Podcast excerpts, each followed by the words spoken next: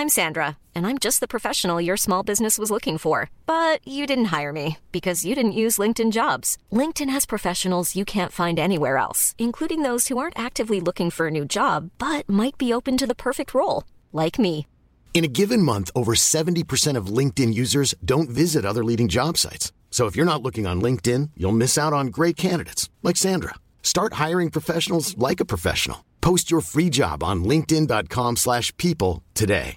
Ready to pop the question? The jewelers at BlueNile.com have got sparkle down to a science with beautiful lab-grown diamonds worthy of your most brilliant moments. Their lab-grown diamonds are independently graded and guaranteed identical to natural diamonds, and they're ready to ship to your door. Go to BlueNile.com and use promo code LISTEN to get $50 off your purchase of $500 or more. That's code LISTEN at BlueNile.com for $50 off. BlueNile.com code LISTEN.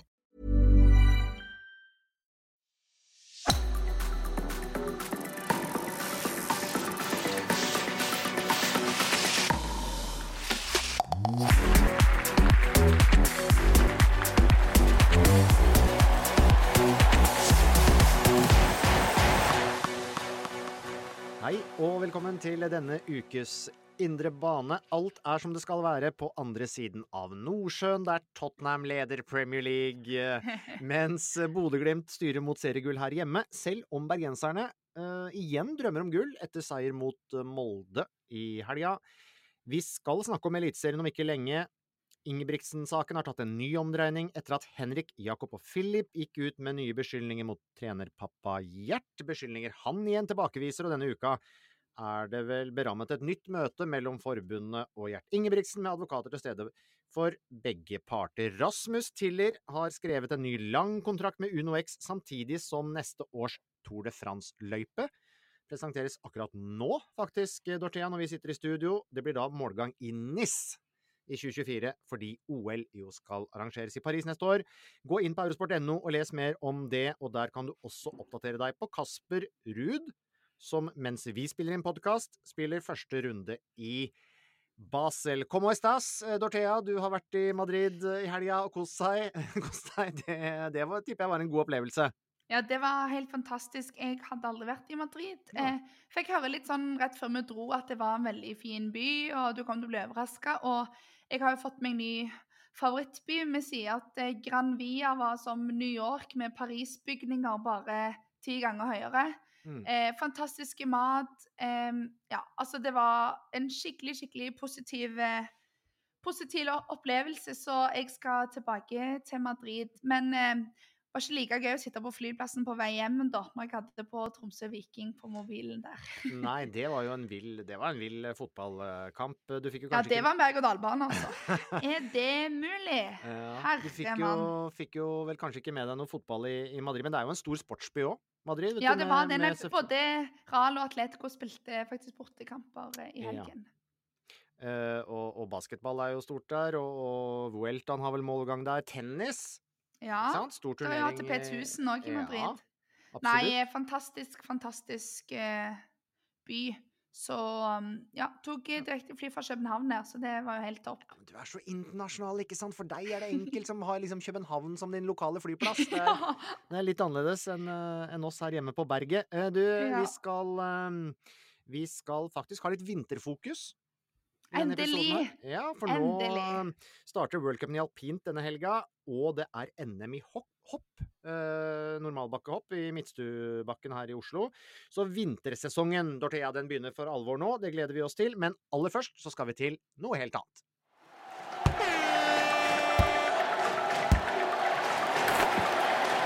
Vi starter i dag med fotball og den 25. serien i Eliteserien, som ga folk mye å snakke om fra lengst i nord til helt nede i sørvest, eh, Dorthea. Eh, Og den eh, spinnville kampen der mellom Viking og Tromsø, den får vi eller må vi jo egentlig komme tilbake til, og det er annet derfor vi har med oss Anders Mohansen fra avisa Nordlys. Vi må også innom Rosenborg, som er på trenerjakt, men i mellomtiden risikerer sin dårligste tabellplassering siden de rykka ned i 1977. Eh, og derfor er også Ole Kristian Sagbakken fra Adressa med oss. Eh, men kanskje vi skal begynne på Åråsen. Norges heteste derby. Eh, ganske dårlig fotballkamp, som det ofte er. Lillestrøm vant, og Vålerenga er i skikkelig trøbbel nå med fem kamper igjen. tre poeng fra direkte nedrykk og Rosenborg, ja, i neste runde.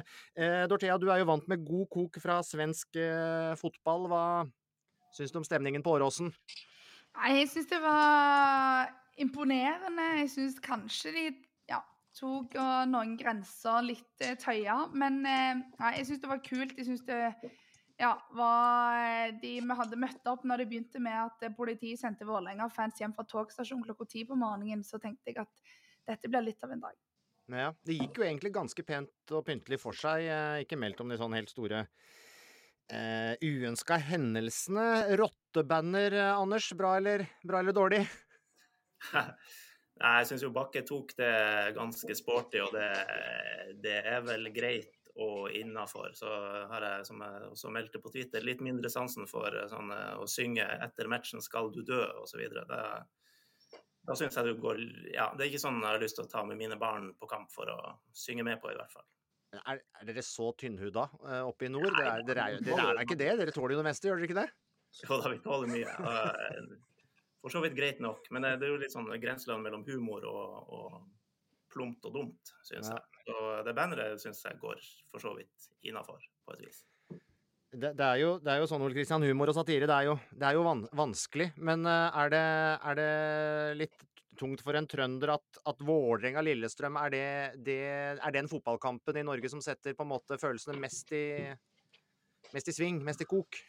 Ja, det var jo ikke Nå har jo publikum på Lerkendal i år vært eh, kanskje den, eh, det beste, det beste Rosenborg har levert i år, både, mm. både, hjemme og borte. Men nå var det jo ikke Stine Brakke mot Stabæk sist, og det, alt har jo en sammenheng. Det var jo Rosenborg selv på et, et nyhetsbrev før kampen eh, meldte det oppgjøret som en sekspoengskamp for å trekke til seg folk. Og det er veldig spesielt da, å sitte i Trondheim og, og omtale et lag Rosenborg møter som ligger på kvalikplass, eh, som en sekspoengskamp. Det sier alt om situasjonen oppi her, Asbjørn.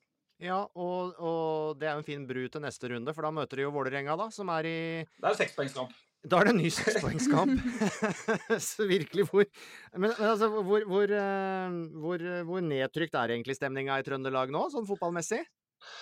Nei, eh, det, de folka som, eh, altså, som melder hardest, eh, supporterne ute på sosiale medier, er jo ganske nådeløse for tida. Det er et Rosenborg som du sa helt innledningsvis, som er i ferd med å gå på sin dårligste sesong siden 1977, da de rykka ned forrige gang.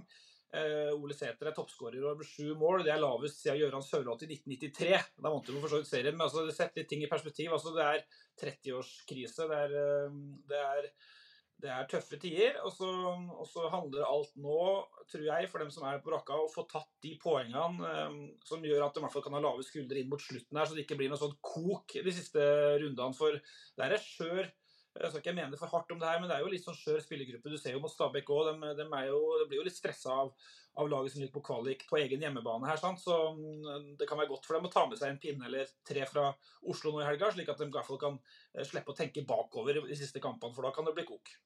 Uh, du har fulgt Rosenborg i hva blir det, snart 20 år, tenker jeg, som, eh, som journalist. Er det Jeg har nesten inntrykk av at uh, trønderne nå til syvende og sist begynner å tvile litt på egen sånn fotballidentitet. Altså Den har vært ekstremt uh, sterk, og nå, mener, virker, nå har man jo prøvd det meste. De siste, siste, siste ja. åra. Ja, nå skal han tilbake. Eller alltid fremover er vel det nye slagordet, da. Men de skal alltid fremover med å spille litt sånn som på Eggen-tida, med 4-3-3, definert artig angrepsstilig fotball. De skal styre kamper, eh, veldig sånn tydelig definerte stolper. Men det er jo, en ting er å si det, noe annet er å gjøre det. Så får vi nå se. Vi står med begge beina midt oppi en trenerjakt her og Asbjørn, hvor det er et styremøte i dag. Der skal styret uh, diskutere konkrete, få konkrete kandidater. og så skal det her utvalget levere en innstilling om ikke så forbaska lenge. og Det snakkes om dansker, Jakob Friis. Du har en Svein Målen som går ut i avisa i dag og sier at jeg er den beste for Rosenborg. Ferdig snakka. Eh, så får vi nå se, men, det men klart at når eh, de opplever gang på gang Nå har det vært fire-fem bortekamper med tre til fem innslupne. sant? Fullstendig kaos bak der. Og, og de sliter med å til og med vinne hjemmekampene, som de i hvert fall gjorde i fjor høst. Det står jo på, går på stoltheten løs sant? Det er mange såre trøndere rundt om for tida. Mm. Eh, sett fra Tromsø, da. Eh, med tanke på det som skjer i Rosenborg. Er du, for det første, er dere redde for å miste Gaute Helstrup til eh, Lerkendal? Selv om han vel neppe er noen 4-3-3-mann, så kan man jo ikke alltid stole på at Rosenborg tar de veiene de i utgangspunktet har tegna opp på, på, på, forhånd? Jeg tror det er i, i en ellers sånn uh, gjennomført hallelujastemning i, i Tromsø for tida, så, så, er vel det den store frykten som ligger der. Hvor lenge har man Gaute Helstrup og, og hans team som, som, leder det her? For det er jo, altså det, gjør, det har blitt gjort veldig mye bra i Tromsø. Du har uh, både på det administrative, du har en supporterkultur som har vokst frem og blitt helt fantastisk ved hjelp av Forsa Tromsø, som står i, i bresjen for det. Eh, og så er det det på feltet, da, som Gaute Helstrup er, er, sjefen for, og får, eh, får levert spillere fra Jon og Matland og co. Som, som, han får til. Og det er jo Gautes fortjeneste. Eh, så det ble signert en ny kontrakt her i sommer da Lillestrøm var og, og banka på døra, og så økt en utkjøpsklausul som jeg tror verken skremmer Lillestrøm eller Rosenborg eller andre som måtte være interessert. Så den frykten der, den vil nok ligge der også fremover. Så tror jeg helt sikkert han har stått på en eller annen liste eller blokk eh, i Trondheim, det, vet sikkert uh, Sagbakken mer om. Men, men uh, de ser nok ofte etter litt andre navn enn han. Da, da er jeg langt tryggere på at Lillestrøm vil komme tilbake etter sesongen og, og prøve seg, i hvert fall hvis de ikke skal ut i Europa. Mm. Hvor Eirik Bakke jo er, eh, midlertidig eh, ut sesongen, i første omgang da, som, eh, som trener. Um, for Rosenborg så er det jo en sjelden sits, dette her, ikke sant Anders? At de, at de, står i den situasjonen her mot slutten av en sesong. Tromsø har jo vært litt mer av et heislag de siste, siste 10-15 åra. Uh, hva tenker du om den situasjonen for en klubb som Rosenborg å, å stå i dette her, og en sånn spillergruppe, kontra om det f.eks. hadde vært Tromsø, eller de gangene Tromsø har stått i, i liksom lignende situasjoner? Altså, det er jo det her Tromsø har holdt på med siden 2012, egentlig. Eh, da har det vært bunnstrid eller nedrykk eller opprykk eh, gjennomført inntil i fjor, da, da det ble en syvendeplass eh, under Helstrup, og nå eh, bedre enn det. Eh, så jeg tror ikke jeg tror ikke det hadde, hadde påvirka så mye her. For man vet hvor man står. Og det, er jo det de holder på med i år, er jo egentlig fullstendig naturstridig. Du har et av de laveste, om ikke det aller laveste spillebudsjettet i Eliteserien. og en by med snø sju måneder i året, og vi har ikke en innendørs elvebane engang. Så fasiliteter og økonomi, alt tilsier at TIL skal være en, en ja, øvre halvdel Obos-klubb, kanskje. Eh, og nå er de oppe i medaljekampen i Eliteserien, så det er jo det er jo helt ko-ko, egentlig, det de har fått til. Dorthea, du som har fulgt Viking i mange år. Det, altså Viking sto jo litt av det samme uh, for noen få år siden og måtte jo ta steget ned. Komme tilbake igjen med en voldsom sånn mobilisering, da. Men hva, hva husker du fra situasjonen rundt at den sesongen de faktisk rykka ned, da? Som en klubb som hadde en lang, lang historie på det øverste nivået? Ja, det var Vil ikke si at det sånn så trønderne. Men vi er jo det, det var jo skikkelig skikkelig nedtur. Men jeg tror når vi ser tilbake på det nå, så det er jo lett å være etterpåkloke. Men alle sier jo sånn Å, det var så godt for oss, og vi trengte å dra ned der og kom så sterkere tilbake og alt sånn. Så jeg tror det hadde en, altså en positiv effekt når du ser på hvor Viking er nå.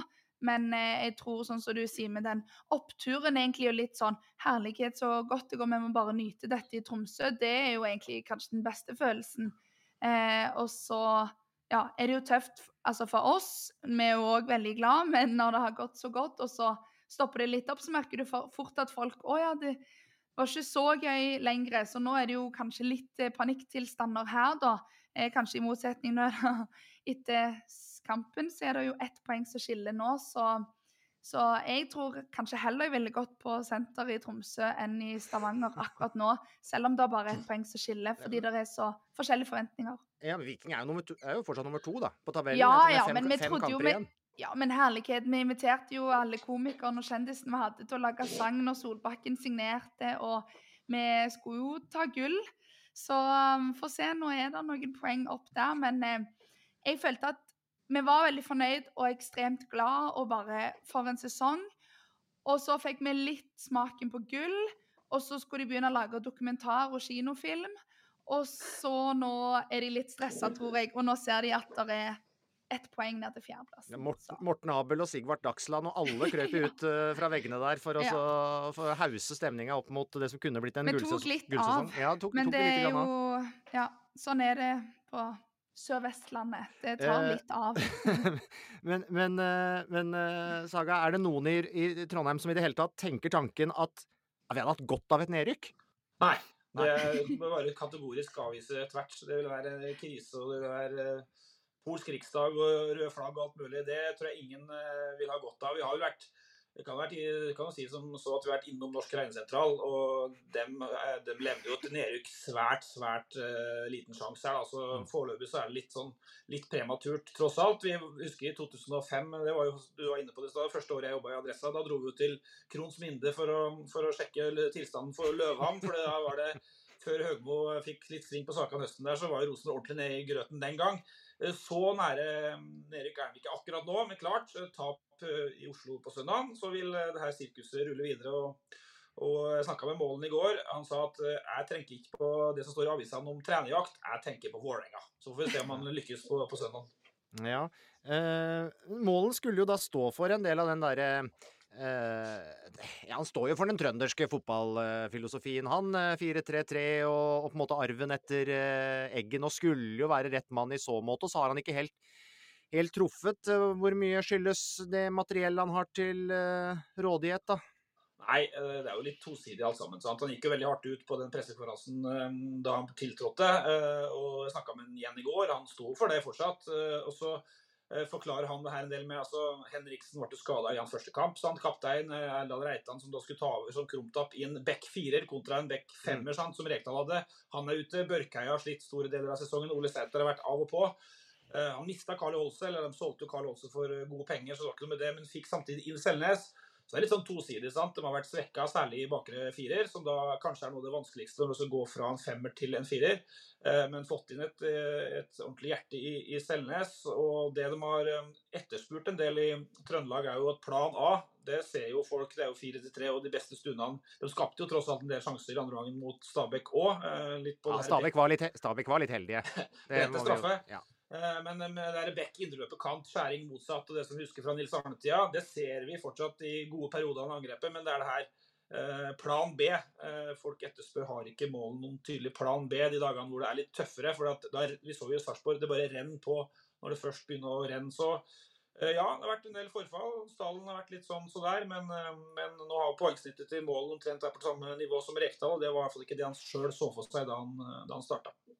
Så er det noe utrolig fascinerende, da, ikke sant, eh, Anders, og du var jo inne på det.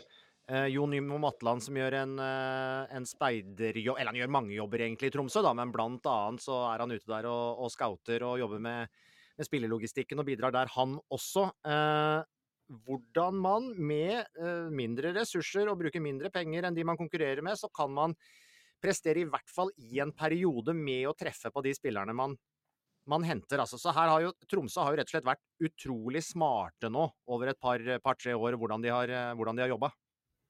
Ja, definitivt. Nå sier jo Joni Matland at, eh, at, det er veldig enkelt å hente spillere til de beste trenerne, som han sier. Det er jo en del av jobben. Det er jo Du skal få til, eh, få til de spillerne som de også klarer. Men, men, de har nok Nå ser jeg andre klubber, Brann ansatte en speider, andre klubber begynner å, å, røre litt mer på seg i, på det feltet der. For det, der tok jo TIL en beslutning om å være god, eh, og har nok i fjor og i år sannsynligvis hatt kanskje best, eh, i hvert fall bortimot best oversikt over hva som rører seg på nivå to og tre i norsk fotball. Eh, der Tromsø er nødt til å se for å finne de eh, og Man ser selv på nivå to i, i, i, Obos, så begynner spillene å bli for dyr. Eh, så det er jo etter hvert et pengehjul som Tromsø også må klare å være med på her, hvis de skal ha ambisjoner om å, å bli værende der oppe. At det mm. ikke blir eh, Det, det er grenser for hvor langt man kan tøye det her.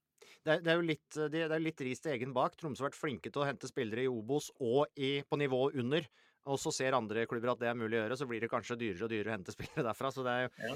Det er jo et toegga sverd, det også. Men, men, det er jo, jeg føler det er en ganske annen satsing i Tromsø nå enn sist. Da Tromsø hadde en god periode, 8, 9, 10, 11, hvor de vel tok tre medaljer på fire sesonger. Men med, med en helt annen egentlig filosofi. Brukte vel strengt tatt mer penger, hadde en helt annen type satsing da uh, ja, enn det de har nå. Stemmer ikke det? Det stemmer veldig bra. Uh, det de har fått til nå, er jo det er spillere som er henta for knapper og glansbilder. altså Erlien kommer gratis, uh, Paintsil kommer gratis, og de, de får dem til på eliteserienivå. Uh, det var ikke sånn de holdt på i, i Steinar Nilsen og Per-Mathias Høgmo-årene. Da, da, var det annen, et annet grunnlag, en annen drift. Eh, og så har de i perioden etter Høgmo der gått på kraftige smeller økonomisk, og, og stått i det i ti år, egentlig. Eh, og er fortsatt der. Og så er jo lyspunktet, lyset i tunnelen, er jo hvor var Bodø-Glimt for fire-fem år siden? Jo, der Tromsø er omtrent, og der Tromsø var i fjor. Så det er jo liksom, får du til et salg eller to eh, som er bra, kommer du ikke minst inn i et gruppespill i Europa, så, eh, så endrer det forutsetningen ganske kraftig. Um, og, og, den økonomien også, Ole Kristian, er jo vesentlig dårligere nå enn den bare var for et par-tre år siden. Eh, er ikke det, er ikke, er ikke det riktig? Så, så, forutsetningene her endrer seg jo også, også, veldig for en videre satsing med en ny trener. Altså, de er nødt til å treffe nå, Rosenborg? Ja, de er eh, ganske nødt til å treffe. De har treffet middels med det siste, når du ser på resultater og, og prestasjoner. Og så er det et spørsmål i det her, eh, Asbjørn, hvor mye penger Rosenborg har å sette i en trener nå. Det, det er helt sikkert diskutert på styremøtet i kveld.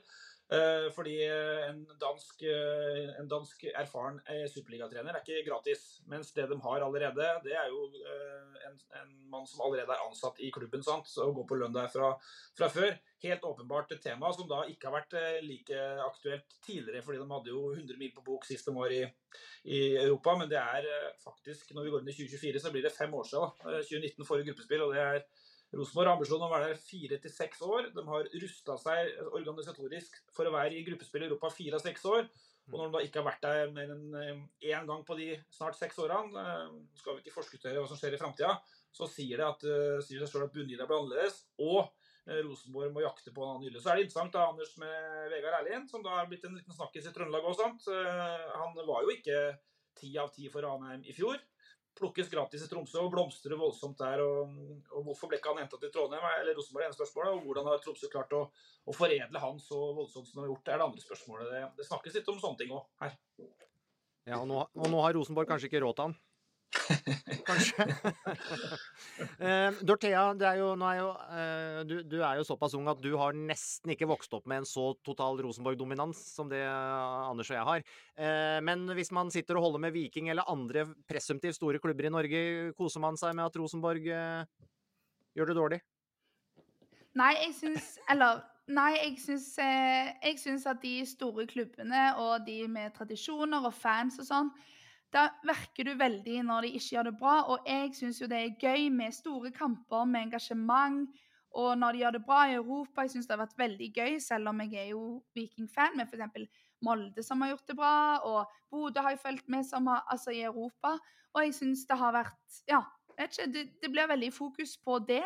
Eh, og eh, at eh, det er liksom nedtur på nedtur. Og nå så jeg nå Jesper Mathisen så kalte det en pinlig sesong og Sæters ikke vil svare på det. Og så blir det jo liksom litt underholdning av sånn, men jeg tror sånn eh, Så har jeg jo en trønder som min eh, nærmeste kollega på tennissendingene, Susanne Wergeland, så jeg eh, syns jo at det hadde vært eh, Ja, jeg vil heller Jeg elsker at underdogs gjør det bra, og at det er litt rolleskifte, men de tradisjonsrike, store klubbene det er liksom, Du får mest fred når ting går litt på skinner for dem. Mm. Susanne fra Levanger hun stoler på at Ole Selnes skal styre dette her inn eh, sant, for, for, for Rosenborg. Eh, Tromsø kan også spille en viktig rolle i nedrykksstriden her, for Tromsø har vel Vålerenga i siste match, f.eks. Kanskje den blir avgjørende både for medalje og nedrykk. Det kan bli veldig spennende. Bare fem runder igjen, eh, men det er, eh, men det er virkelig spenning både i, i, kampen om medalje og europaplasser og i nedrykksstriden. Og veldig spennende hva Rosenborg gjør i 2024 og videre, videre framover. Eh, sikkert ikke ferdig debattert eh, det, men eh, vi får være ferdig med fotballbiten akkurat for i dag. Takk skal dere ha, gutter, for at dere var med fra Tromsø og fra Trondheim.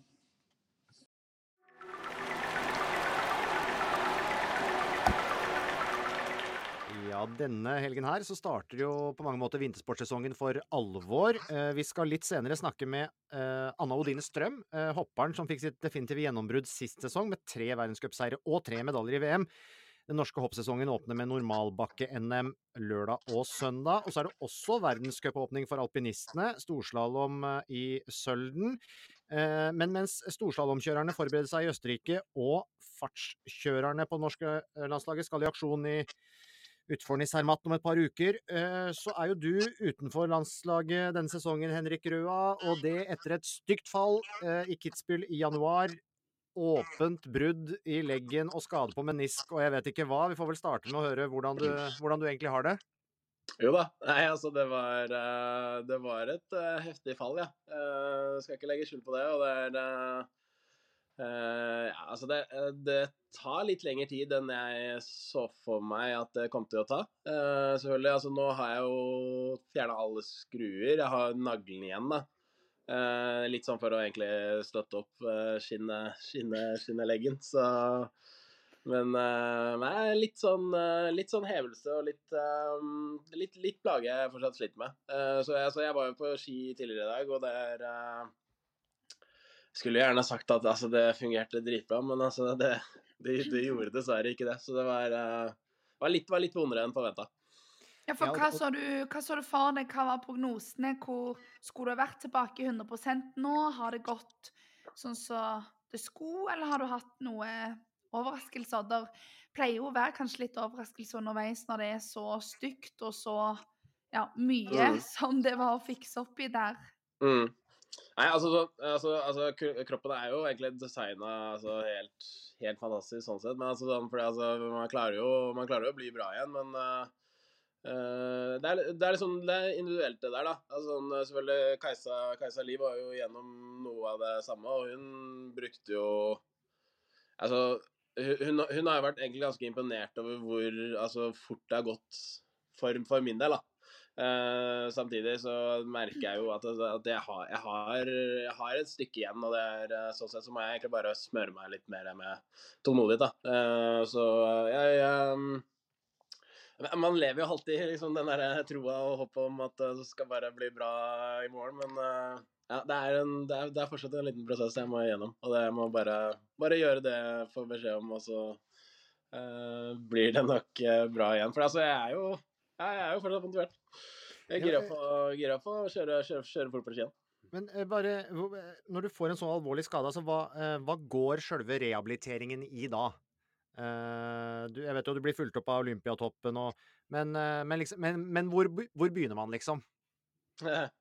Nei, altså det, det, er jo liksom sånn her Bare det å altså, kjøre en enfots knebøy nå, da. Altså mm. det er jo Altså det var jo superenkelt for meg før, men altså nå er jo det et Altså et, et, hinder, eller et problem, altså problem sånn sett, da. Eller bare det er så enkelt som om å hoppe på en altså Uh, en sånn uh, balansemadrass, altså gå på slakk linje, altså sånn koordinasjon generelt. da. Det er liksom der det hindrer meg mest nå, egentlig. Fordi uh, knebøy sånn styrkemessig begynner å komme seg veldig, veldig bra. Men uh, det, er, det, er mer den altså, finmotorikken og altså, koordinasjonen og egentlig bare troen på at altså, benet er bra igjen. da. Men, men alle skjønner at det, de som setter utfor i Kutzbühel, altså, de er sterke i huet, huet men er det, er det, litt mm. mentalt også i starten? Stole på, stole ja, ja, på beinet, liksom? Ja, det er, altså, det er, det er absolutt det.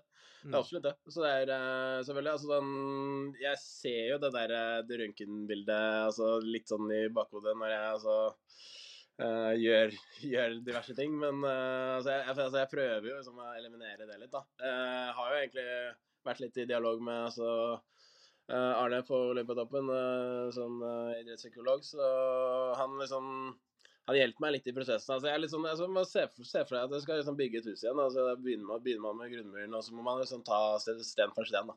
Mm. Uh, og du, du, nevnte jo innledningsvis her at du har vært på, vært på ski så seint som i, i dag. Mm. Uh, hvordan ser du for deg den videre progresjonen der nå, da? Nei, altså um, Um, etter liksom sist Det er, det er seks uker siden nå da jeg fjerna skruene. Uh, og siden den operasjonen så har jeg egentlig slitt litt med hevelse og uh, arrvev uh, på den, spesielt det nederste Altså såret, da. Liksom, rett, rett, over ankelen. Og det er liksom, det er liksom akkurat i sånn punktet hvor man altså, treffer pløsa på støvelen. Mm. Så det er liksom sånn Ja. Den, altså, det var ikke, det var ikke superbehagelig i dag. Så ikke sant? Altså, kan du liksom se for deg sånn, når du skal liksom trykke inn mot altså, altså, altså Alpinskoen er jo egentlig ganske liten til å begynne med, og så skal det liksom ja, være litt andre ting som uh, Så det er litt sånn Jeg må liksom Jeg, skal, jeg tenkte jeg skulle ringe Håvard etterpå, og så liksom ja, kanskje Mark, og så høre litt hva vi, hva, hva vi kan gjøre, da. Mm. Uh, fordi altså jeg, jeg, jeg, håper at det skal være litt, litt mer behagelig. Og så, um, så gikk du et par måneder etter Kitzbühel, og så fikk du beskjed om at du ikke fikk plass på landslaget eh, den kommende sesongen her. Eh, og da, sånn umiddelbart, så Vet ikke helt hvordan motivasjonen var da, og så har jo den kommet tilbake, det sier du sjøl også. Um, men hva, hva tenkte du på en måte akkurat da den, den beskjeden kom, om at OK, her er, jeg, her er jeg midt oppi en opptrening, og så må jeg også ordne mye annet på egen hånd, på en måte. Mm. Ja. Mm. Nei, altså selvfølgelig, det er jo uh, Det er jo et voldsomt slag i trynet. Uh, det er ikke noen tvil om det. At det er jo sånn eh, Jeg føler jo at altså, altså, det jeg har prestert altså, tidligere, og det jeg egentlig presterte i vinter òg, at, at jeg fortjener i hvert fall uh, eh, plass på laget. Så det er litt sånn Jeg er jo ikke enig i avgjørelsen. Eh, samtidig så er det sånn sånn eh, Altså, jeg har jo snakka med Klaus, så det er litt sånn Jeg har jo sagt min side av hvordan jeg oppfatter det, men altså han er jo ikke enig, så det er liksom sånn Og til syvende og sist, det er jo han som tar avgjørelsen. Ehm, så er det jo altså sånn Jeg har jo vært ute for landslag før og altså, likevel prestert og kjørt fotballski. Altså, sånn, så sånn sett så er jo det en litt trygghet. Uh, og nå kan jeg jo virkelig altså, altså, styre litt løpet sånn som jeg ønsker, og så får jeg det liksom OK til å gå rundt økonomisk og liksom ser fortsatt at det er uh, hopp, så ja, altså Ja, for hvordan funker det med um, å satse som alpinist utenfor landslag? Det er jo masse greier nå med langrennsgreiene eh, og Klæbo som satser utenfor landslag, og, alpint og eh, For jeg har jo altså jeg har sett liksom litt Henrik Kristoffersen som har kjørt sitt eget opplegg, men vært inne på landslaget, og jeg, det første jo som slår meg, og det må jeg bare si, er bare Det der må være dritdyrt. Eh, å, å gjøre sjøl. Eh, og mulighetene til Altså, hva kan du kjøre? Kan, kan du kjøre internasjonalt? Kan du Så du må fortelle litt om hvordan det funker, og om det er mulig for en alpinist, ja, utenfor Mm, landslaget. Nei, altså sånn ehm, Selvfølgelig, altså økonomi altså Det er jo et stort hinder, det er ikke noe tvil om det. Og det er jo liksom sånn, sånn som um, turer til Chile, New Zealand, altså sånn Ja, for er det, er det samlinger, eller er det utstyr, eller altså Hva er liksom den største bolten? Ja, ja, ja, ja det, det, er, det er samlinger, ja. Altså Ja. faktisk å komme seg på ski, ja.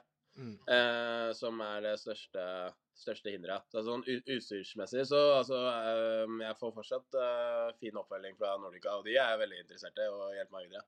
Så altså, der er alt egentlig dekket. Men nei, det, det, det, er den, eh, det er den utstyrs... Altså Eller altså den reisesamlingsbiten. Det å komme seg på ski. Og det mm, Ja, altså sånn eh, det, er- altså, det, er ikke, det er ikke ideelt sånn som det har vært nå det siste med Juvas og liksom hvor varmt det har vært, da. Mm. Um, så, men um, Ikke sant? Altså sånn Jeg ser jo for meg altså sånn uh, Den vinteren her, det blir jo litt sånn prøving og feiling og liksom finne ut av liksom sånn hvordan hvordan fungerer det faktisk. Og jeg må liksom Jeg må nok gjøre noen justeringer litt på uh, høyrestøvelen for å Altså det skal, det skal passe litt eh, sånn som jeg ønsker, da. Eh, men så, ikke sant, så må, så må jeg egentlig bare stå mer på ski, altså sånn eh, vinter, vår og egentlig sommer når det først er snø, da. Og så altså, på høsten når det egentlig ikke er snø, så altså, må vi være inne i snøhallen, da. Og altså være der. Altså det er jo liksom sånn Ja. Det er jo altså det, er jo, det, er det jeg liksom har følt har mangla litt altså de, de to årene jeg har vært på worldcup-laget, er jo den mengden som jeg har fått på ski, da. Altså sånn, jeg har jo Jeg var jo sånn inn mot denne vinteren som var, altså jeg, jeg har nok aldri kanskje vært så bra fysisk form. Uh, og det var jo sånn, det var nesten litt irriterende da jeg liksom kryssa mållinjen flere ganger. hvor jeg liksom sånn, faen, jeg har jo jeg har jo mer å gi her nå. altså sånn, uh, jeg, klarte jo, jeg klarte jo egentlig ikke å nå den limiten og nå, altså nå det potensialet som jeg følte jeg hadde inne. da. Um, så det er litt sånn, altså jeg, jeg tror at sånn, får, jeg, får jeg litt flere repetisjoner, får jeg litt mer altså sånn um, skidager, så, så da håper jeg at altså, det skal sånn uh, løsne litt på den uh, Ja, altså litt sånn ugne følelsen som jeg har følt litt på de gangene jeg har satt, satt meg utfor, da. Mm. Altså, selvfølgelig er det mange faktorer her hvor jeg kan liksom dra inn, men altså Det har, bare Det har ikke vært så altså, enkelt å liksom nærme seg den limiten som trengs, da. Som Dorthea er inne på, som jeg sikkert noen lurer på, altså når du på en måte er tilbake i konkurransefysisk form og, og mentalt, da, hvor, hvor er på en måte eh, Hvor er konkurransemulighetene, ikke sant? Er det norgescup, er det muligheter for å matche seg Mm. internasjonalt, eh, og, og så videre der? Mm. Nei, altså det blir jo um, Altså det blir jo i utgangspunktet Europacup, da. Mm. Altså jeg har, jo, jeg har jo bra nok altså, rangering til å altså, kjøre Europacup, og det og det håper jeg jo at altså det, det, tror jeg, det tror jeg forbundet skal sende meg på, da. Mm. Uh, og da må jeg jo egentlig altså, bevise topp altså, topp ti, topp fem, uh, helst altså pallen der, da. eh, For at jeg skal kjøre meg inn i worldcup igjen. Men altså, samtidig så Altså, vi har jo, vi har jo plasser i worldcup, så det er jo liksom sånn passer det, så ja. Så skal nok det gå greit, i hvert fall sånn utformessig. Eh, så sånn sett så altså sånn Jeg ser jo for meg et scenario at det er mulig å komme seg tilbake. Jeg må bare må bare fikse, fikse beina litt, og så bare fikse kanskje litt ting oppi hodet også.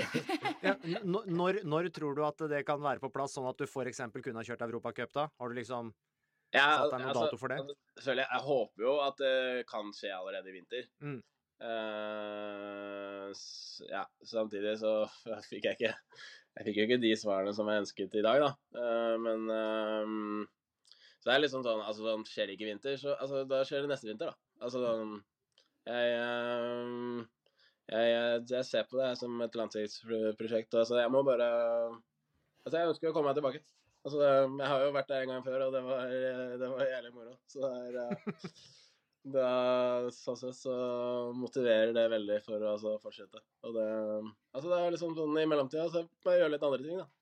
Veldig Ja, og- og, ja, Og tre- litt egentlig og- Ja, egentlig så jeg tenkte på Altså, nå med denne skaden Vi må jo kunne kalle det en ekstrem langtidsskade. Eh, og Mm. ut landslaget, det kom til å ta tid, så Mm. er det det én sesong det kanskje hadde Altså, vi kan ikke si at det, det passer bra, men det er jo kanskje det er jo nå du har råd og tid til det, fordi du er ikke i toppform, og du er ikke tilbake. Og det kommer til å ta lang tid. Og jeg må bare si det, vi følger skisesongen helt sånn slavisk her hjemme. Og eh, vi ble helt Altså, det fallet du hadde der, du kom jo i mål, og vi husker de zooma inn på Aksel der som sto, og Mm. det er jo brutale greier. Og du sto jo steinbra. Var det din Følte du at du var på topp, da? Rett før eh, Når du ja, gikk Mm. eh, rett og slett ned i, i målområdet der Kitzbühel, for du hadde jo en veldig bra sesong. Mm. Ja. Nei, ja, det Altså sånn um, Altså, jeg, jeg følte meg jo følte meg jo ganske bra på det tidspunktet. Og det er liksom sånn eh, Det det er alltid små... da det skjer, føler jeg. Ja, ikke sant. Det er jo liksom, det er veldig små marginer i den sporten her, da. Ja. Um, og det er liksom noen ting kan man kontrollere, andre ting er litt, er litt vanskeligere å kontrollere. Uh, og det her er bare Altså, det er litt sånn Altså, jeg har jo jeg, jeg har jo dessverre måttet se det og analysere det litt. Eh, men ehm, altså, jeg, har egentlig kommet litt til den konklusjonen at sånn, det, her er, altså, det her er en del av sporten. Altså, det her er, no, det er en type risiko jeg må bare være villig til å ta.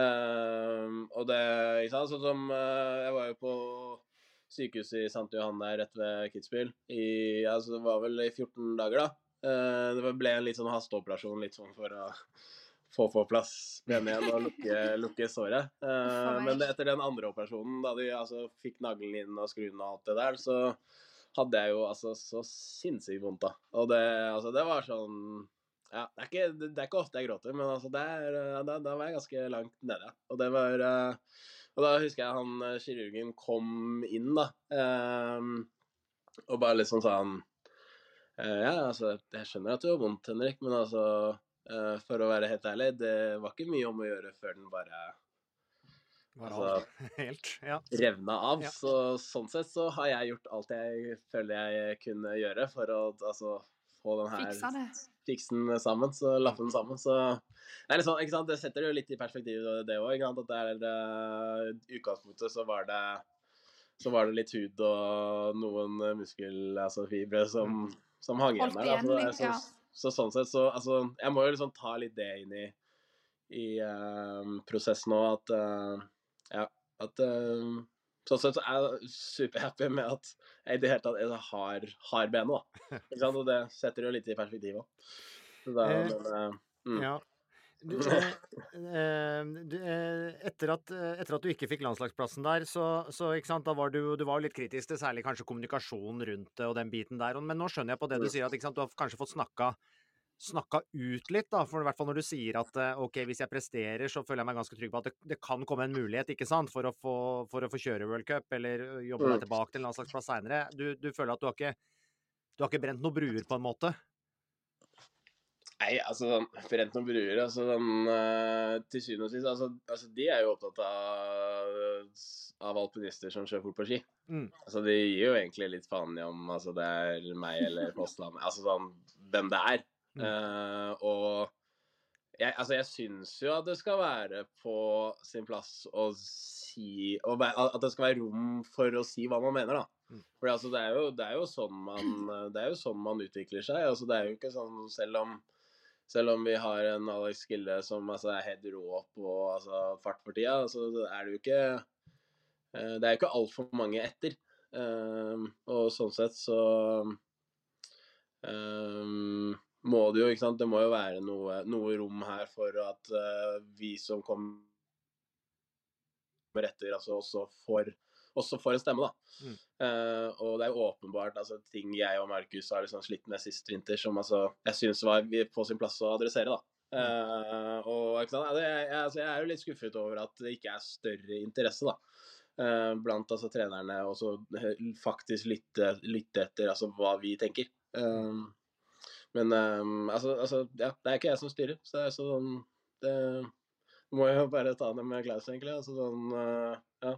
Ja, Men det føler du at du har fått gjort, da? At, dere fikk, at du og, og sportssjefen egentlig sånn sett fikk snakka, snakka litt ut om det Ja, altså- eller? Altså, altså, altså, jeg sa jo hva jeg mente.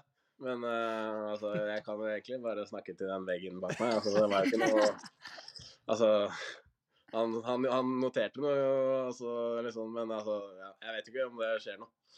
Men hadde eh, dagene dine mm. vært annerledes nå i den prosessen du er i, eller du, du Vi vet du, har få, du får hjelp av Olympiatoppen. Altså den Mm. prosessen du er i nå, eh, blir Selvfølgelig er det jo, sånn som du sier, andre eh, opp, altså samling og skiopphold og reiser og sånn som, som du Mm. får muligheten til med landslaget. Men, men den hverdagen du står i nå, og den prosessen og sånn, føler du at den blir hemma med at du ikke er under den eh, paraplyen med, med guttene, da? Ja, altså, det er jo Altså um, Selvfølgelig, det, det handler jo mye om økonomi, da. Eh, det er det ikke noe tvil om, da. Og det er jo det å få en det å få en status som worldcupkjører, det, har det har jo stor betydning for altså, altså kontrakten jeg får i forhold til skifabrikanten. da. Ehm, og sant, den, den kontrakten er jo vesentlig mer lukrativ enn det altså, jeg har nå, da. Eh, så ikke sant, sånn, sånn sett så altså, blir jo så blir jeg jo mer en fulltidsutøver ved å være på et landslag kontra uten, da. At sånn, jeg må jo Jeg må jo jeg må jo skaffe penger på en annen måte eh, nå. Og det, ikke sant, selvfølgelig, det krever jo det krever jo mer av meg, og det er, liksom, det er jo litt synd, for altså, jeg skulle jo heller ønsket å ha fokusert altså, 100% med å altså, være en toppidrettsutøver. Ja. Men altså sånn uh... Men tilgang til leker, treningshverdag, litt Mm. sånne ting. Blir, føler du at det blir hemma i og med at du står litt sjøl, eller får du fortsatt den hjelpen og oppfølgingen? Nei, altså, det, er- det, er det, jeg, det er det jeg liker veldig med Håvard, da, ikke sant? For altså, han, og for så vidt Marco, altså, sånn, de er jo egentlig litt uavhengige personer. Altså, de er jo fra Jo, de jobber altså, for sånn- Olympiatoppen, Ja, eller ja, Ja, okay. Ja, de jobber for Olympiatoppen, men også sånn Det er jo sånn delt Altså, de er jo ikke 100% på Olympiatoppen, da. Men ikke sant, som de er, altså, har jo sagt fra dagen altså, Vi bryr oss ikke om at du ikke er på landslaget eller ikke. Altså, sånn, vi er interessert i at du skal bli altså, 100 frisk igjen, du. Ikke sant? Altså, det er, eh, så, sånn sett altså, varmer jo det veldig, da. Altså, ja, spesielt fra liksom Olympiatoppens side. Altså, så jeg har jo følt jeg har jo følt at jeg har blitt ivaretatt. Altså, jeg får jo trene der gratis. Jeg får jo komme akkurat når jeg vil. og liksom, Er det noe jeg lurer på, så er det bare å ta kontakt. Altså, det, ja, altså fysio, eh, altså leger, eh, mentaltrener, altså sånn treningsopplegg. Altså så ikke sant, sånn sett så er det vel ikke så stor forskjell på om jeg hadde vært på landslaget eller ikke, da. Mm. Uh, fra liksom den, den biten der, da. Ja, Det er jo helt fantastisk. Altså, ja, ja, det er jo veldig sånn bonus at du får at dørene fortsatt er, er åpne, da, og at Ja. de ser deg, ikke liksom sånn Ja. Er du Ja, bare deg altså som laget, Mm. men at de ser deg som person. Så det er jo Mm. luksus, egentlig. Det er jo et godt, godt, godt skussmål for systemet, da. Må jo, må jo si det, At det Mm. ivaretas på en god måte. sånn. Så vi har, vi har jo hatt med Tore Øvrebø her tidligere, Dorthea. Da blir han sikkert veldig glad for å Ja. høre, Mm. høre, høre akkurat det. Du, sånn avslutningsvis, nå starter jo en ny World Cup-sesong eh, også, da. Eh, Marco Odermatt, mannen å slå sånn sammenlagt, kanskje den, den sesongen her også. Nå er det jo ikke en VM-sesong i hvert fall, men eh, det er fullt fokus på worldcupen, da. Mm. Eh, og så har vi selvfølgelig gode, gode kjørere både, både, både i fartsdisipliner og i, i tekniske, tekniske disipliner. Klarer, vi, klarer noen å bikke Odermatt ned fra eh, hva skal jeg si, sammenlagt-tronen og den, eh, den store kula? Ja, altså selvfølgelig. Altså, vi, må jo, vi må- jo håpe på det. Altså, det, er jo, det er ikke noe tvil om at altså, han har vært i en egen liga siste, siste to-tre årene. Og det er, eh, altså, det, er jo, det er så vilt imponerende. Uh, altså den risikoen og den, altså, den bestemtheten altså, han uh, viser nedover bakkene der, altså, det, det er ganske beundringsverdig. Ja.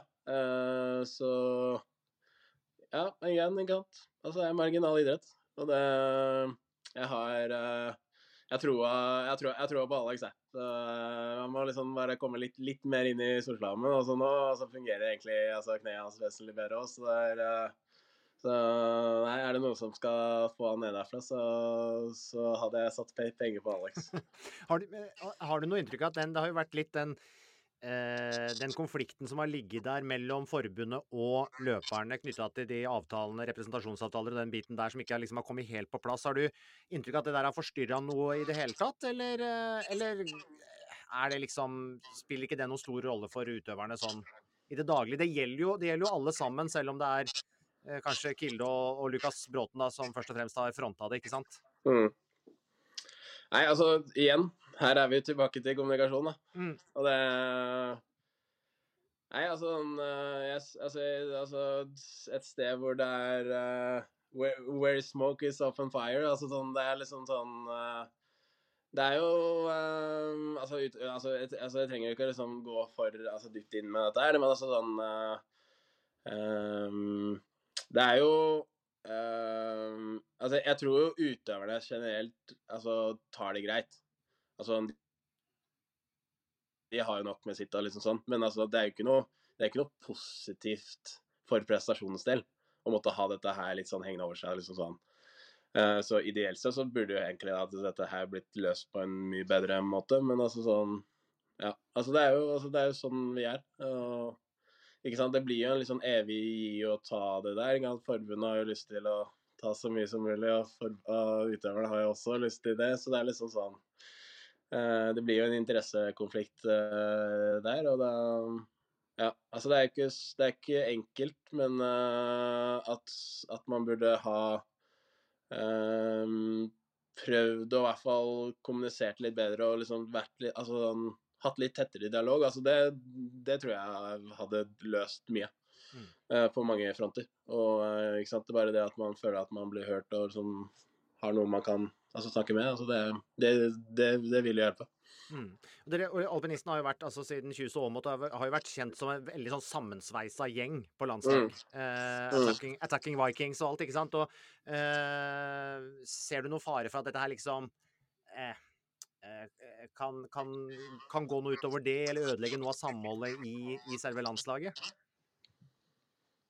Eh, det, er, det er bra Det er, bra- det er bra spørsmål. Um, det, det, det kan jo det. Um, og det, ikke sant Altså blir blir Altså, uh, indiv, altså blir uh, noen personligheter for sterke, da. Uh, og de ønsker å rette sin, sine egne interesser for mye. Så går jo selvfølgelig det utover altså, den attacking viking-kulturen og altså teamfølelsen, da. Og, uh, det har vi jo snakket om litt før. Når utøveren ja. blir for stor for sitt eget forbund, det er ja. litt skummelt. ja. ja, og det, og det, og det syns jeg er også veldig altså, skummelt og, sant, å tenke på. Og um, Ja, ikke sant? Altså, da, ikke sant? da, må man jo se på altså, hva er det vi kan gjøre for å altså, holde utøveren her, da. Ikke sant? Mm. Og at man ikke sant, i en sånn prosess føler at man blir hørt, at man Altså, det er ikke til å snakke til veggen bak meg. altså sånn, og ikke sant, Da er det litt sånn sånn da, da, tror jeg man hadde løst mye, da. Men uh, i hvert fall erfaringsmessig tidligere så er ikke det helt situasjonen. Og jeg, sånn, um, ja. Det er synd at det er sånn, men altså sånn mm, det, er, uh, det, er sånn, det er sånn det er bygd opp. Sånn er det bare. Mm. Eh, vi føler vel Eh, oss uansett ganske sikre på at eh, norske alpinister, eh, forhåpentligvis både på herre- og kvinnesida, kommer til å prege World Cup-sesongen 23-24 også. Og så kan vi jo håpe på, Henrik, at vi ser deg i konkurranse igjen, kanskje på tampen av sesongen. Skal vi være så, så optimistiske? Ja. Om uh, Nei, altså det kommer jo et, uh, kommer et renn på Kvitfjell, da. Ja, ikke sant? Altså, jeg, jeg, jeg, ser for meg Jeg skal i hvert fall være prøvekjører. Så, ja. altså, om, hvis, jeg, hvis, jeg, kan være prøvekjører, altså hvorfor ikke bare kjøre ennå? Så ja, ja. og, det, og det, har jo, det har jo tidligere og tidligere i din karriere så har det jo gått kort tid fra du har vært prøvekjører til å være World Cup-kjører og VM-kjører. Så det, det, går jo opp og ned her, her, i verden. Sånn er det bare. det gjør det. Henrik, dette her var veldig, veldig interessant. Mm. Lykke til videre med opptrening og, og satsing. Jo, takk for det. Takk for, takk for at du var med. Hyggelig at dere ville ha med meg. Mom deserves the best, and there's no better place to shop for Mother's Day than Whole Foods Market. They're your destination for unbeatable savings, from premium gifts to show-stopping flowers and irresistible desserts. Start by saving 33% with Prime on all body care and candles. Then get a 15-stem bunch of tulips for just $9.99 each with Prime. Round out Mom's menu with festive rosé, irresistible berry chantilly cake, and more special treats. Come celebrate Mother's Day at Whole Foods Market. Hiring for your small business? If you're not looking for professionals on LinkedIn, you're looking in the wrong place. That's like looking for your car keys in a fish tank.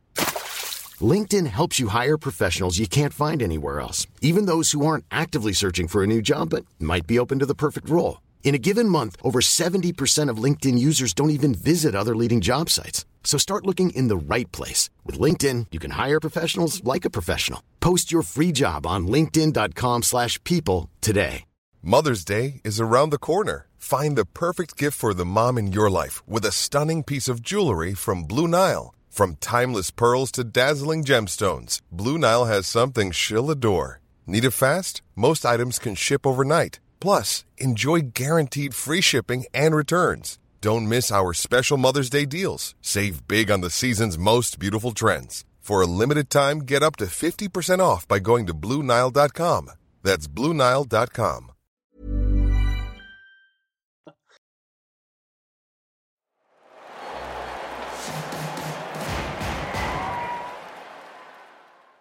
Ja, lørdag og søndag denne uka er det som nevnt da duket for normalbakke-NM i Midtstubakken her i Oslo. Det er individuelt renn på lørdag, og så er det lagkonkurranse på søndag. Skal deles ut uh, kongepokal.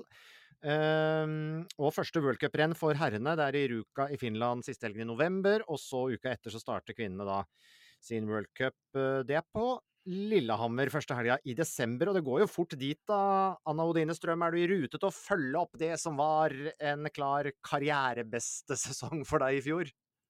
Uh, uff, det håper jeg. Uh, jeg håper absolutt det. Jeg uh, har uh, prøvd å bruke sommeren på å bli bedre på de tingene jeg var dårlig på, og så har vi ikke en, helt enda begynt å jobbe med Eller gått tilbake til å jobbe med de tingene som var bra i fjor, så jeg håper å kunne gjøre de tingene like bra, og håper at resultatet også blir like bra. med det. Nå er jo, nei, altså Hopping er jo nesten blitt en helårsidrett, det òg. Dere har jo sommerkonkurranser, selvfølgelig, og vært ute i Europa og konkurrert i sommer også. Men, men uh, har du fått gjort liksom no, noe annet mellom sesongene da? Hva har du gjort for å koble, koble av litt? Du, fikk du med deg godværsperioden i Finnmark, eller, eller hvordan er det? Nei, jeg var, jeg var i sør på, under den. Typisk. Ja, det var typisk. Nei, vi hadde, hadde en uh, sommer uh, som var fylt med regn, men uh, det har gått, gått, for det meste i, i trening, egentlig. jeg lærte jo i fjor at man er nødt til å være dårlig i fem måneder for å kunne gjøre det bra. Så jeg har, har, vært ganske dårlig i fem måneder for å forhåpentligvis kunne gjøre det bra. Fordi jeg har for det meste gjort ting som jeg var dårlig på, er dårlig på, og håper jeg gjør det bedre. Um, så jeg at det, det skal hjelpe. Um, men ja, jeg har fått kobla av litt og, og, eh, gjort litt andre ting. Men det har for det meste blitt uh, en sommer med, med trening uh, som primært. For det, det, var vel sånn forrige sesong også at uh, i september-oktober i fjor så trodde kanskje ikke så mange at, på at du skulle få en så god sesong som det du tross alt endte opp med å få. Du fikk dine første Den første seieren ble vel tre verdenscupseiere, det ble tre medaljer i Planica, én individuell der. Du hadde jo noen VM-medaljer fra før i, i laget og, og mikste konkurranser og sånn. Eh, jeg bare tenker, dere, dere kom jo inn tidlig, eh, skihopperne på, i worldcupsirkuset. Det gikk vel ni år fra worldcupdebuten til, til uh, den første seieren. Du skal være ganske motivert og, og litt sta og, og, virkelig ville det. Eh, det er mye, mange utfordringer man skal komme seg over på veien dit òg. Ja, det, det, er en lang vei. Eh, det er mye jobb som skal gjøres. Og når jeg sitter her nå, så vet jeg ikke om jeg kan si at jeg hadde gjort ting så veldig mye annerledes, fordi jeg har lært så mye av det. Eh, selv om det var ikke særlig hyggelig til tider. Men ja, det holdt på en stund. Lært masse, lært mye om meg sjøl som utøver, lært mye om meg sjøl som person. Men det har vært mye nedturer. Og Lærte jo, har jo lært masse om det òg, eh, så vi får se. Men det er jo alt det går, Alt går liksom opp når du får en så god sesong som du, du, hadde i fjor. og eh, siste sesong, og, og sånn den offseason som du har hatt, du sier du har vært dårlig, altså du har trent hardt og ikke følt deg digg liksom i, i fem måneder, og kom inn nå til en ny sesong. Tenker du litt annerledes nå når du har hatt så suksess som du hadde i fjor, eller har du liksom samme mindset? Kjenner du kanskje litt på et press, eller eh, er det så ferskvare og mye som skal stemme? Eh, så, du, så, du, tenker at det er ferskvare, og du, du tenker liksom ikke på fjoråret? Uh, nei, altså um, Altså, hvis jeg hadde vært uh, gjort det her intervjuet for et år siden, så hadde jeg ikke hatt trua på at jeg kunne ha klart det jeg klarte i fjor. Eh, så det er jo ferskvare. Men uh, det er jo klart, uh, fjorårets sesong så fikk jeg jo bevist for, i hvert fall for meg sjøl, at hvis jeg gjør, klarer å gjøre mine ting bra, så er det bra nok til å vinne. og det er jo et helt annet utgangspunkt enn det har vært tidligere. for tidligere så har det vært et håp, og nå er det nesten et faktum. så ja, det er jo et litt annet mindset. Prøve å, prøve å få til de tingene som var bra. Eh, og vite at hvis jeg gjør det bra og gjør de tingene bedre enn jeg har gjort tidligere, som skal klare med flere repetisjoner og gjøre enda de tingene som jeg var dårlig på, bedre, så siden det var godt nok til å vinne i fjor, så burde det være godt nok til å vinne i år. Um, så det er jo et fint på en måte, noe fint å hvile på, men det er veldig mange flinke folk som legger ned mye arbeid, så man må, man må gjøre det sjøl òg for å kunne, kunne være der. Eh, har hverdagen og forutsetningene dine endra seg eh, når du får noen seire i beltet der? Og ja, du, altså ti, år, ni-ti år på, på, i, i World Cup og, og landslag, og, og, kanskje første gang du har en eh, si, å, årslønn eh, ut, fra, ut, fra, ut, fra, den innsatsen du legger ned òg. Eh. Så det er jo det er noen ting som, som følger med her, da. Har, har hverdagen for deg sånn sett endra seg? Uh, ja, litt. Det er jo uh, Som sagt, den, den, bare den trua som både jeg og, og, og trenerne har på de tingene vi gjør. I hvert fall for meg sjøl så er det fint å, å, legge ned den jobben og vite at det er faktisk godt nok til å, til å, kunne vinne. For det er jo det jeg holder på med hele greia for å gjøre. Um, og det har jo vært en lettere situasjon å stå i og nå et, etterpå. Selv om det er ja, hva min sier. Det var mye lettere før, for det var mye større forskjeller. Mm. Fikk, fikk, ja. fikk, du deg, deg, Liverpool-tur, da, som jeg så du snakka om? At du skulle kanskje kunne unne deg?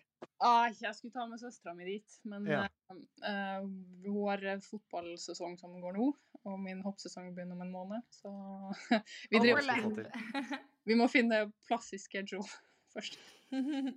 men ja, uh, nå er det mer altså det har forandra seg litt, fordi arbeidsoppgavene det, det, går mer på effekt og energi mm. Eh, tidligere. Eh, og mer se på forskjeller på effekten av de tingene man gjør, heller enn å, å eh, faktisk nesten se forskjell. Så det, det, er litt annerledes. Men ja, det, det hele greia er bygd, bygd, på en mye større selvtillit og mye større tro på at ting faktisk kan gå bra. Så det er jo et fint utgangspunkt. Men du har jo smurt deg skikkelig med tålmodighet, sånn som vi nevnte vært på landslaget i mange år, og du sier sjøl du har hatt mer motgang enn medgang. Eh, og, så det har jo vært et stort ønske og motivas indre motivasjon da, altså gjennom all denne motgangen. Eh, og så får du den suksessen som du får eh, sist sesong. Er det litt sånn Hvis jeg gjør det bra, da skal jeg slå meg til ro med det? Eller har det gitt enda mer mersmak, eh, i og med at du sier du har hatt mest motgang da, opp til dette? Er du enda eh, mer keen nå, liksom? Ja, jeg var jo Hvis jeg skal si um, Jeg var ganske deprimert etter å ikke klare å Eller jeg, etter å ha gjort sesongens dårligste hopp uh, i andre gang i planen, for det, det burde jeg vunnet. Mm. Hvis jeg ikke hadde mista hodet. Uh, men i ettertid, så når jeg tenker på det, så var det vel egentlig på en måte det beste som kunne skje på lang sikt. For ja. det, det, ga så mye motivasjon at hva i all verden var det der for noe? Uh, det der klarer jeg å gjøre bedre. Um, så det, det, var ja, Nå som jeg sitter og ser på det nå, så er det jo fint. For det, det har bare gitt mersmak og ja, egentlig irritasjon om at det der eh, det skulle jeg klart å gjøre bedre, og det skal jeg klare å gjøre bedre. Um, så da, det har gitt mer motivasjon. Uh, og det er jo men det er motivasjon på en annen måte, på en måte. For tidligere, som sagt, har det, vært, har det vært et håp om at det skal gjøre bra. Nå er det mer sånn at jeg nesten vet det. Eh, så det er mer Ja.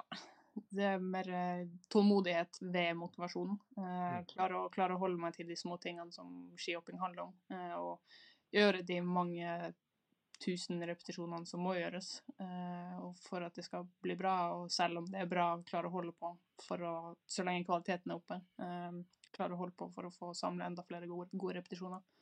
Det, det. Det, ja, det, det, viser jo hvordan dynamikken i idrett svinger. Det svinger jo voldsomt. da, For, for et år siden så ville kanskje en individuell VM-bronse uh, Ville du vært veldig happy med det, men så sitter du igjen der før, det, før, det, siste hoppet og opplever at du leverer et for dårlig hopp, og så blir du dritskuffa, og så klarer du igjen kanskje å snu det til noe positivt i form av en motivasjon, da. Uh, ja. Så det er jo noen voldsomme svingninger i, i, idretten, da. Ja, ja, nei, det er mye emosjoner og mye turbulent som man skal gjennom. og det er jo det er jo klart hadde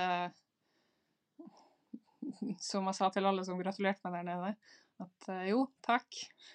Det var ikke, ikke, akkurat sånn jeg ville ønska det. Og, men de var jo sånn Ja, men det er jo, det er jo, ganske bra. Ja, det er ganske bra. Og hadde det vært for sesongen, så hadde jeg tatt det. Absolutt. Mm. Men ikke når det ble som det ble. Mm.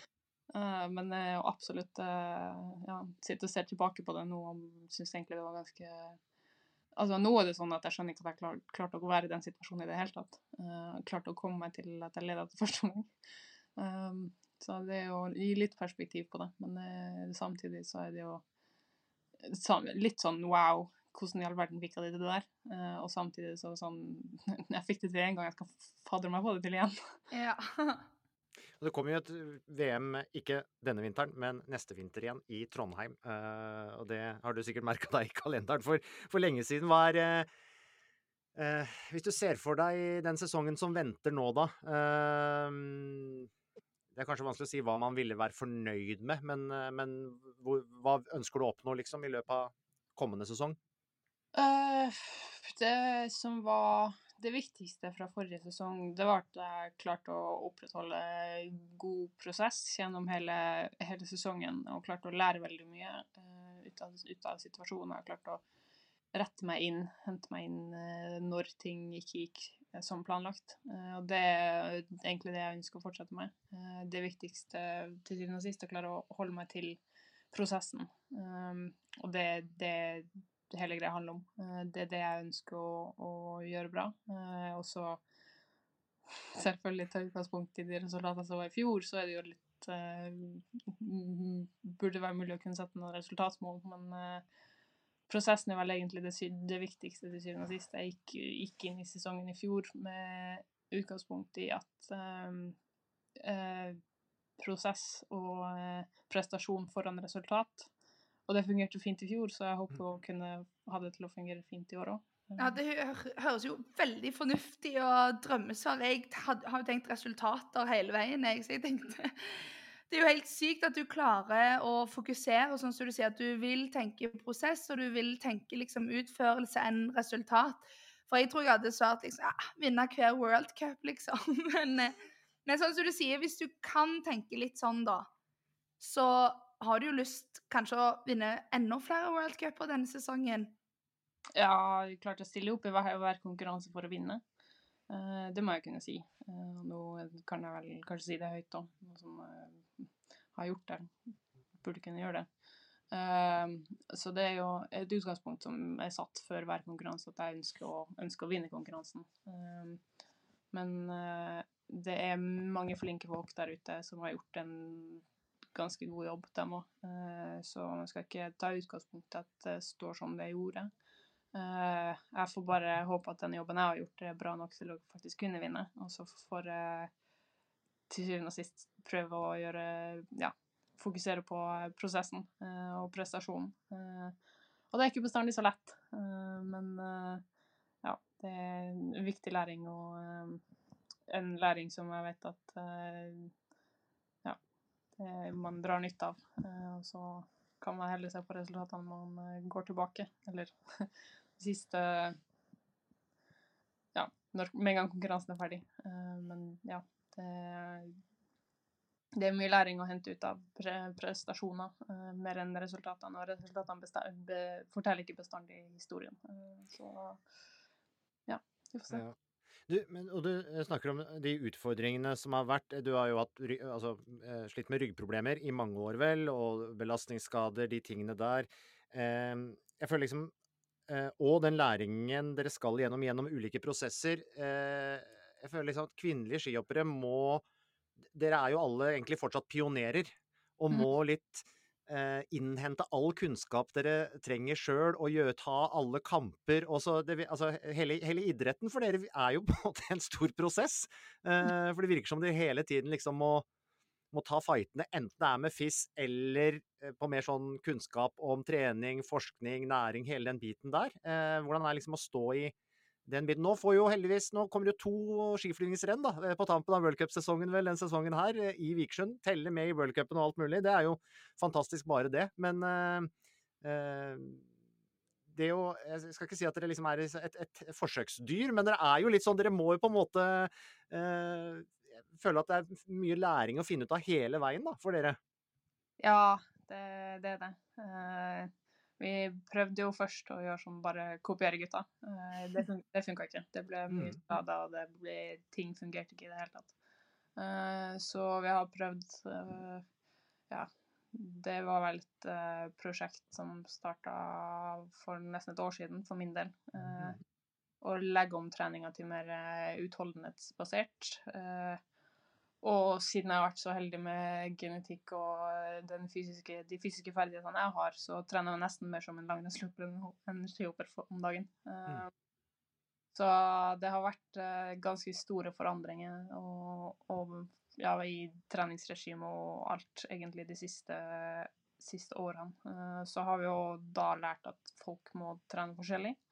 Eh, for jeg trener ikke i nærheten av det samme som Silje.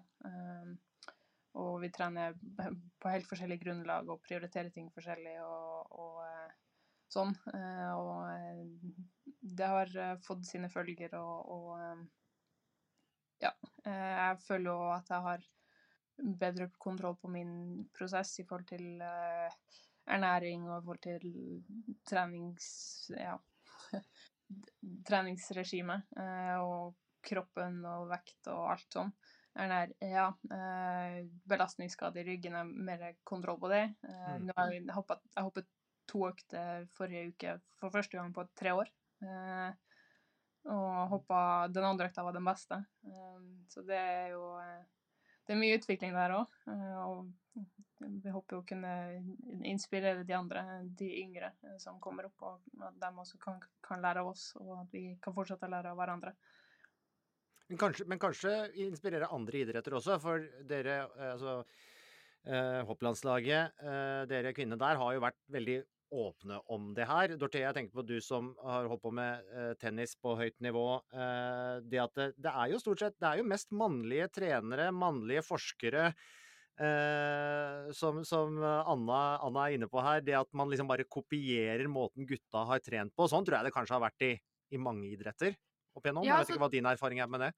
Nei, jeg føler òg at eh, hvis du da Altså sånn jeg da som står utenfor og, og ser på hopp uten å liksom vite så mye, så er jo det logisk, fordi det er liksom sånn vi har lært. Og nå med tennisen òg, så trener jeg med et herrelag her, og da Å, men det er vel det samme Nei, det er helt annerledes. Og jeg husker det med Ja, når Maren Lundby gikk ut og snakket om det, og jeg har jo sjøl gått og snakket om vekt og ja, stress og toppidrett og spising og sånn, altså hvor viktig det er.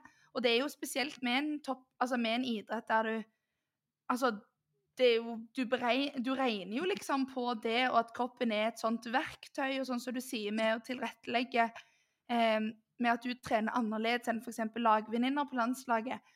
Jeg tror ikke det er mange norske kvinnelandslag som har sånn tilrettelegging. Det er mer sånn ei suppe, her er treningsprogrammet, og så skal dere springe det etterpå.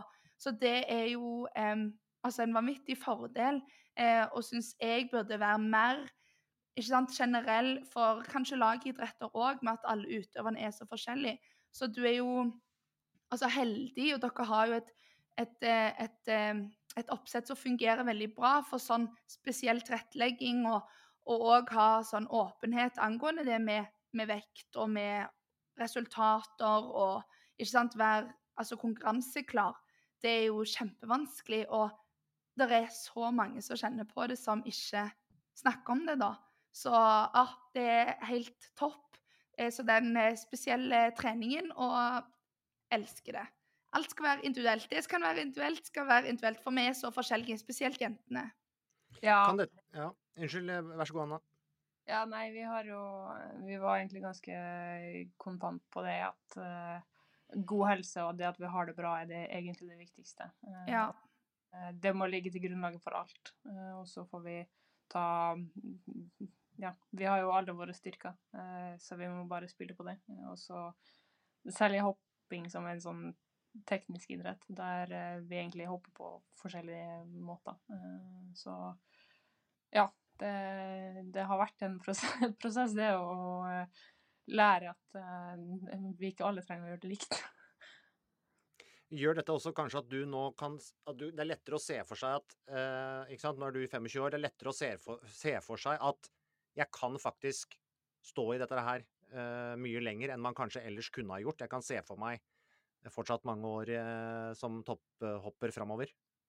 Ja, altså den, altså den, fysiske formen jeg er i nå, den er bedre enn den har vært på Siden jeg var kombiløper. Eller siden jeg gikk for langrenn Mm. Um, så det er jo Det er jo en treningshverdag som er mer Eh, tilpassa sånn jeg liker det. Eh, og det Ja. Jeg har fått beskjed om at jeg kan, kan, kan kanskje roe ned litt på utholdenhetstreninga. Du er ikke utholdenhetsutøver, men, eh, men det er sånn jeg har jeg lærte å like det. Må lære å like den prosessen òg. Lære å like å ha det vanskelig. Og det har egentlig bare gjort det bedre, for det har vært en annen måte å gjøre det på. En, en annen måte å, å, ha det litt tungt på. Som, kjenner, du, det er da du egentlig kjenner på utviklinga når det er litt vanskelig. Um, har jeg skjønt etter hvert. men ja, jeg har jo den ja, tror ikke jeg har vært bedre fysisk form på veldig veldig mange år. Eh, så, sånn som det er nå, så er det bare krysse fingrene for at ikke vi gjør noe dumt eller kjører litt høy fart. Får litt, mm. litt, for mye vind. Mm. Eh, men selv det tror jeg at jeg skal nå klare å komme tilbake fra. Eh, fordi at jeg har Ja, det kan hende at det er litt, litt den trua fra faktisk jeg begynner hopprenn trua på opplegget. Eh, på at det er mulig å bli best med det. Nydelig å runde av der, på en sånn veldig liksom, positiv uh, bølgetopp, uh, følte jeg. Dagens trening i Midtstubakken avlyst, sa du, pga. Av kraftig vind. Så får vi håpe det roer seg til lørdag. masse lykke til da, og lykke til med sesongen som kommer. Så skal vi følge med deg, og Dorthea, jeg heier fra, fra TV-stolen i dag. Dorthea, ikke sant? Ja, vet du hva. Ja. Jo, takk for det. Takk for det. Det var det vi hadde i indre bane denne uka, med litt vinterfokus. Det er egentlig ålreit, men nå gleder jeg meg til liksom å Kanskje kunne Ja, eh, kanskje man kan ta en skitur tidlig på dagen, komme inn igjen, ta en dusj, legge litt eh, i peisen, sette seg ned i godstolen, se litt vintersport. Det, det er jo noe veldig sånn trivelig. Det er sikkert veldig norsk, men jeg syns det er veldig trivelig, da. Ja, jeg er helt enig. Det som er så spesielt, som jeg òg syns er så gøy, er at altså Flest idrett er jo på kveldstid. Mm. Men det å kunne stå opp i helgen på vinteren og bare Å, langrenn har på pushen, og frokost i sofaen, og enten så er det alpintgutta, eller så er det langrennsdamene som har begynt, og du har Veng og Veng og Veng, og så har du Bråten, og at det, det, er veldig gøy når det er tidlig på dagen, og det er så kos. Nesten som å fyre opp juletreet òg, liksom. Ja, men det, det, er ikke så lenge til, vet du. Det er eh, to måneder til, så er det første juledag. Ja. Um, eh, og eh, ja, eh, tennis. Idet du hører dette her, så vet du kanskje hvordan det har gått med Kasper Ruud i første runde i Basel, for han spiller omtrent akkurat nå når vi eh, spiller inn. Eh, mer om det på eurosport.no neste uke. Det leder oss til det. Da er det Paris Masters. Dorthea, da kommer du til Oslo. Vi skal ha studiosendinger i hvert fall tre dager der. Eh, det gjør da at det ikke blir noen podkast i neste uke. Og så er vi tilbake om 14 eh, dager, eh, tenker jeg. Men ja, vi må jo bare krysse fingrene for Kasper, da. Han trenger jo ja, Enten trenger han to-tre gode turneringer nå, eller vinne kanskje én, til og med, for å sikre seg plass i ATP Finals. Ja, han eh, må skikkelig ta hver seier som han kan få, og er avhengig av noen gode resultater. Møter tøff motstand i dag. Eh, så eh, Paris-turneringen som kommer neste uke, der er det enda mer poeng å, mm. å hente. Det er en 1000-turnering, så da blir jeg i studio. Du skal på jobb, Asbjørn, så alle må, må se på den der vi dekker Kasper eh, sine kamper, og vi skal dekke finalen. Herlig. Eh, gleder oss til eh, det. Eh, da ses vi i levende live neste gang, Dorthea, i, i, i, Oslo. inntil da er det vel bare å si Snakkes. Snakkes.